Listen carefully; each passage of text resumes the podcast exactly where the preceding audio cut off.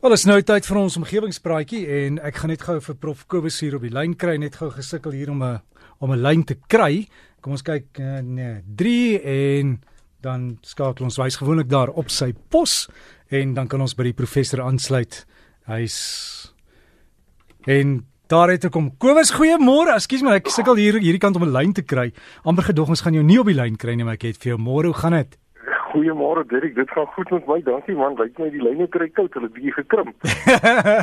ja, dalk is dit maar net besig hierdie tyd van die oggend. Dalk is dit een van daai goedkoop konsessietye wat jy kan bel, jy weet. Ja. Ja, ja maar in elk geval Dirk, dit lyk my dit begin daarin nou fliks aanstap na die somer toe. Ek sien, jy weet hierdie tyd van die oggend is dit nou al ligter en uh, nou ja, ek sien baie uit na die somer.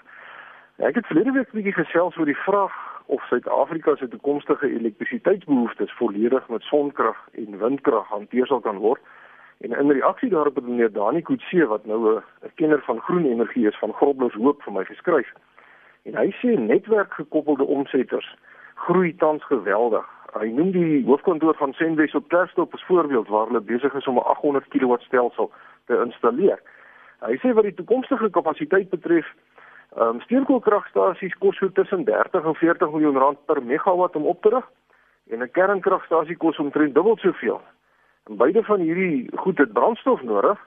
Ehm um, en daar is die is die situasie nou net omgekeer. Jou kernbrandstof as mens nou kyk na die hele lewensiklus lyk vir my is goedkoper as die steenkool brandstof ehm um, en die as en al die goeders dan.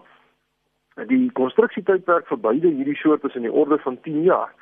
Maar nou sien meer goed sê die probleem wat hy voorsien is dat as mens nou kyk na die tempo waarteen privaat sonkragstelsels tans groei, dat dit wel in die toekoms sou kan wees dat die vraag na elektrisiteit in die dag baie gaan afneem, want elke persoon wek sommer sy eie krag op. En dit sal dan veroorsaak dat kern- en steenkoolkragstasies eintlik maar net nodig sal wees om bystandkrag in die nag te voorsien. En daarom is dit onverwendbaar volgens meneer Kutse dat elektrisiteit vanaf die netwerk duurder gaan word terwyl groen energie al hoe meer aantreklik gaan word. Hy sê die berging van elektrisiteit word ook al hoe meer ekonomies haalbaar na mate die netwerkkrag nou duurder word.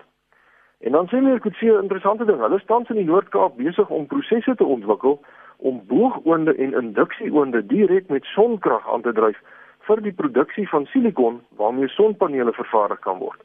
So die tegnologie ontwikkel voortdurend en is baie goed dat ons hier in Suid-Afrika um, op hierdie terrein lyk vir my redelik voor in die wêreld is want dit pas ons ons het die beste sonpotensiaal in die hele wêreld. So kom ons hoop dat sonpanele op ons dakke eendag eersdaags net so algemeen as songeisers gaan word. En dan weet ek iets heeltemal anders.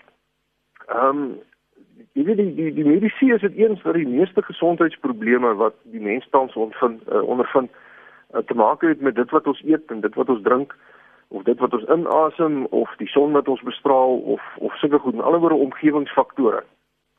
En ek het nou 'n paar Saterdae gelede gesels oor die hele kwessie van suiker en hoe hoe uh obesiteit veral in die FSA die volhoubaarheid van mense se lewens bedreig. Ehm um, nou in Suid-Afrika word die suikerinhoud reeds die afgelope paar jaar op houers aangebring en uh, ons het gesien dis nogal skrikwekkend as mens nou kyk na hoeveel suiker daar in sommige van die kos is wat ons elke dag eet en drink. Nou voor vanjaar het meneer uh, minister Pravin Gordhan tydens sy begrotingsrede 'n suikerbelasting aangekondig en baie mense het dit met die eerste oogopslag nogal vreemd gevind. Maar ons omgewingsvriende kan gerus nie moeite doen om uh, self bietjie te gaan kyk na hoeveel suiker mense inneem deur die kos wat jy eet, die sous wat jy oor jou kos gooi en die koeldranke wat jy drink. Um, en dan besef mense nou baie vinnig dat baie van ons eintlik onwetend heeltemal te veel suiker inneem en die paar lepeltjie suiker wat ons in ons koffie gooi of oor ons ontbytpap strooi is eintlik maar net 'n druppel in die emmer. Nou ja, uh, hier is 'n verdere verwikkeling op hierdie uh, terrein. My dogter Lize Redlinghuis is 'n omgewingsprokureur uh, van Pretoria en sy het vir my 'n berig aangestuur dat die proses om die voorgenome suikerbelasting nou in wetgewing te vervat 'n aanvang geneem het. 'n Week of wat gelede het die tesourier konsepbeleidsdokument gepubliseer wat voorstelle uiteensit oor hoe die suikerbelasting nou gehef gaan word op versoete drankies. Nou die voorgestelde belasting sluit alle koeldranke, vrugtesappe, sport en energiedrankies, ystee en drinkbare jogurt en enige iets wat nou versoet is. Maar drank wat natuurlike suikers bevat, soos 100% suiwer vrugtesappe word nou uitgesluit van die belasting. En hulle drie modelle voorgestel. Oor hoe die belasting bereken kan word, naamlik 'n per liter koers op alle drank, ongeag die suikerinhoud daarvan, of 'n belastingkoers per gram suiker wat in die drankie teenwoordig is of dan 'n drempelbenadering waar die soorte dranke nou in kategorieë geklassifiseer word. Nou in die beleidsdokument word die tweede opsie aanbeveel, naamlik dat elke tipe koeldrank of versoete drinkbare produk se individuele suikerinhoud die belastingkoers sal bepaal. En die motivering vir hierdie keuse is dat dit vervaardigers en verbruikers sal aanmoedig om oor te skakel na 'n laer suikerinhoud produk. Nou in die beleidsdokument word verder gestel dat as die regering 'n mens se gedrag wil verander, 'n belastingkoers minstens in die orde van so 20% moet wees. In ander woorde, dit moet regtig aan ons sakke vat as ons 'n hoë suikerinhoud produk aanhou koop. So dit beteken dat vir soete gaskoeldrank byvoorbeeld omtrent 20% duurder gaan word. En die beleid stel verder dat as die suikerinhoud van enige produk nou nie op die etiket aangebring word nie, daar aangeneem sal word dat so 'n produk se suikerinhoud baie hoog is en dat die maksimum belasting dan gehef sal word. Nou ja, daar's nog onduidelikhede in die beleidsdokument, soos byvoorbeeld hoe die belasting uitgewerk sal word as 'n produk vervaardig word deur 'n klomp ander bestanddele te meng waarvan net sommige nou suikerbevattend is. En dit is ook nog nie duidelik of die belasting gehef gaan word op die totale hoeveelheid suiker in elke produk of slegs die hoeveelheid suiker wat nou bykomend tot die natuurlike suiker in die produk bygevoeg word nie. Nou ja, enige persoon kan kommentaar lewer op hierdie beleidsdokument En die sperdatum vir kommentaar is 22 Augustus. Soek maar net op die internet na Sugar Tax Policy Document as u meer inligting hieroor benodig. Nou weet ek ek het vir die interessantheid bietjie gaan kyk na wetenskaplike navorsing wat oor die verband tussen suikerbelastings en obesiteit in ander dele van die wêreld gedoen is. En in Denemarke het hulle in 2012 'n uh, voorgenome suikerbelasting gekanselleer omdat daar vrese was vir werksverliese. Hulle het ook daar 'n hoë vetinhoud belasting gehad. In ander woorde voedsels wat hoë vetinhoude uh, het, het hulle ook uh, belasting of belas en hulle het dit ook gestaak in 2012 omdat mense hulle hulle werk verloor het.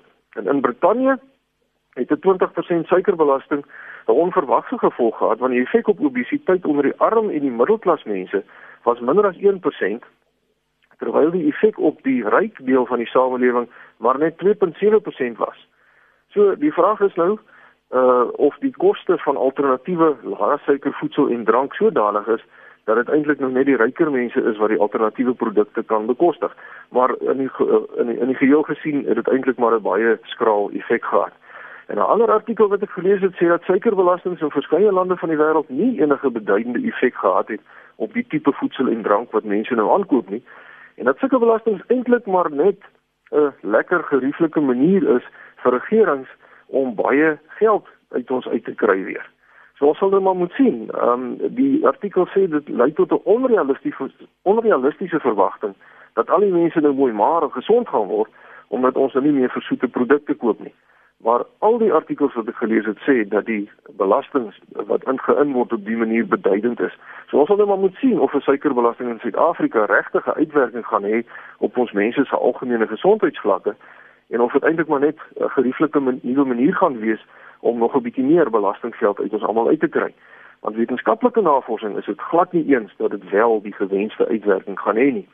En dit daarmee sluit ek af vir oggend. Uh, ons omgewingsvriende kan gerus vir my skryf. My uh, e-posadres is kobus.vanderwalt@nwu.ac.za of u kan maar net op Facebook gaan kyk na omgewingspraatjies se bladsy. Vriendelike groete tot 'n volgende keer. Kobus vir jou ook vriendelike groete en lekker naweek daar en sterkte met al die groen dinge. Daai e-posadres is kobus met 'n k kobus.vanderwalt by nwu.ac.za. Anders gaan loer op Facebook, dis nou makliker. Daar's 'n groep gestig met die naam van Omgewingspraatjies. Soek vir die meervoud Omgewingspraatjies. Sluit aan en kry al die inligting.